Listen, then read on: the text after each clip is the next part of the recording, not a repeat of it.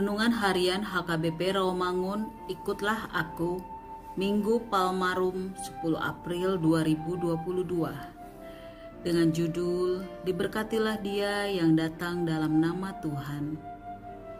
Bacaan epistel kita hari ini tertulis dalam Matius pasal 21 ayat 1 sampai 9 dan bacaan evangelium kita hari ini tertulis dalam Mazmur pasal 118 ayat 19 sampai 29 yang berbunyi Aku ini orang asing di dunia.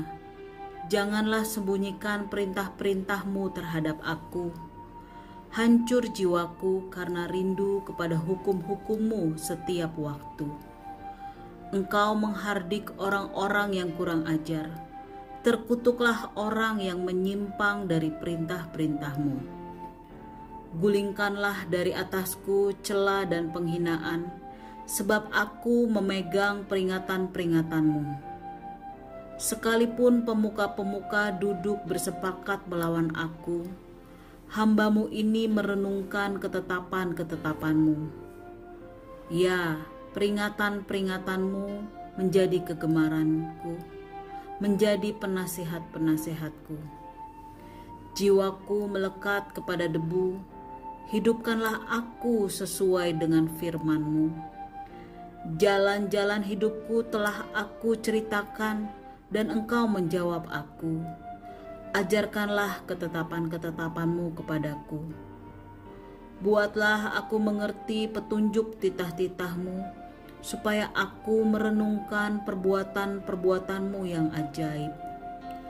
Jiwaku menangis karena duka hati. Teguhkanlah aku sesuai dengan firmanmu. Jauhkanlah jalan dusta daripadaku, dan karuniakanlah aku Tauratmu. Demikianlah firman Tuhan. Sahabat, ikutlah aku yang dikasihi Tuhan Yesus. Ini merupakan mazmur ibadah syukur yang dirayakan dengan meriah, yang dilakukan pada hari-hari raya besar bagi umat Israel. Pemazmur mengangkat ucapan syukur atas perbuatan-perbuatan Allah yang mereka rasakan, bahwa Allah itu setia dan menolong dalam perjalanan kehidupan umat itu dan Allah tidak pernah melupakan apa yang ia janjikan dan apa yang akan diperbuat bagi umatnya itu selalu ditepati. Mensyukuri kebaikan Tuhan selalu menjadi bahagian dari hidup orang beriman. Memang hal itu tidak mudah. Orang selalu tergoda dan merasa bahwa dirinya lah yang memiliki segala-galanya sehingga dia tidak sadar bahwa dirinya memiliki keterbatasan.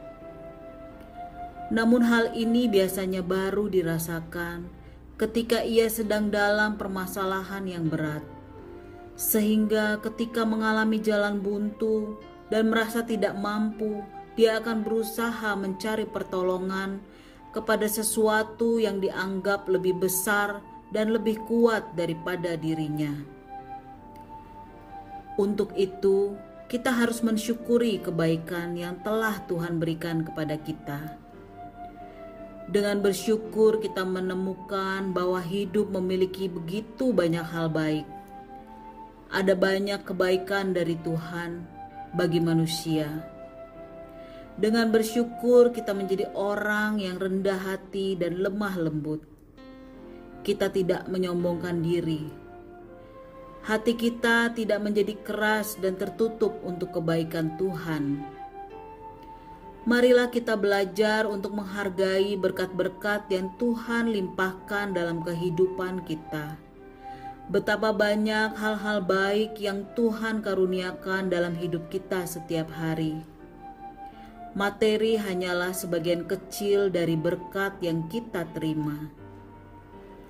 Berkat Tuhan itu menyeluruh dan sempurna, meliputi berkat jasmani maupun berkat kehidupan kekal. Amin. Mari kita berdoa, Tuhan, betapa banyak berkat yang Tuhan berikan kepada kami. Layaklah kami bersyukur kepadamu di dalam Yesus Kristus. Amin.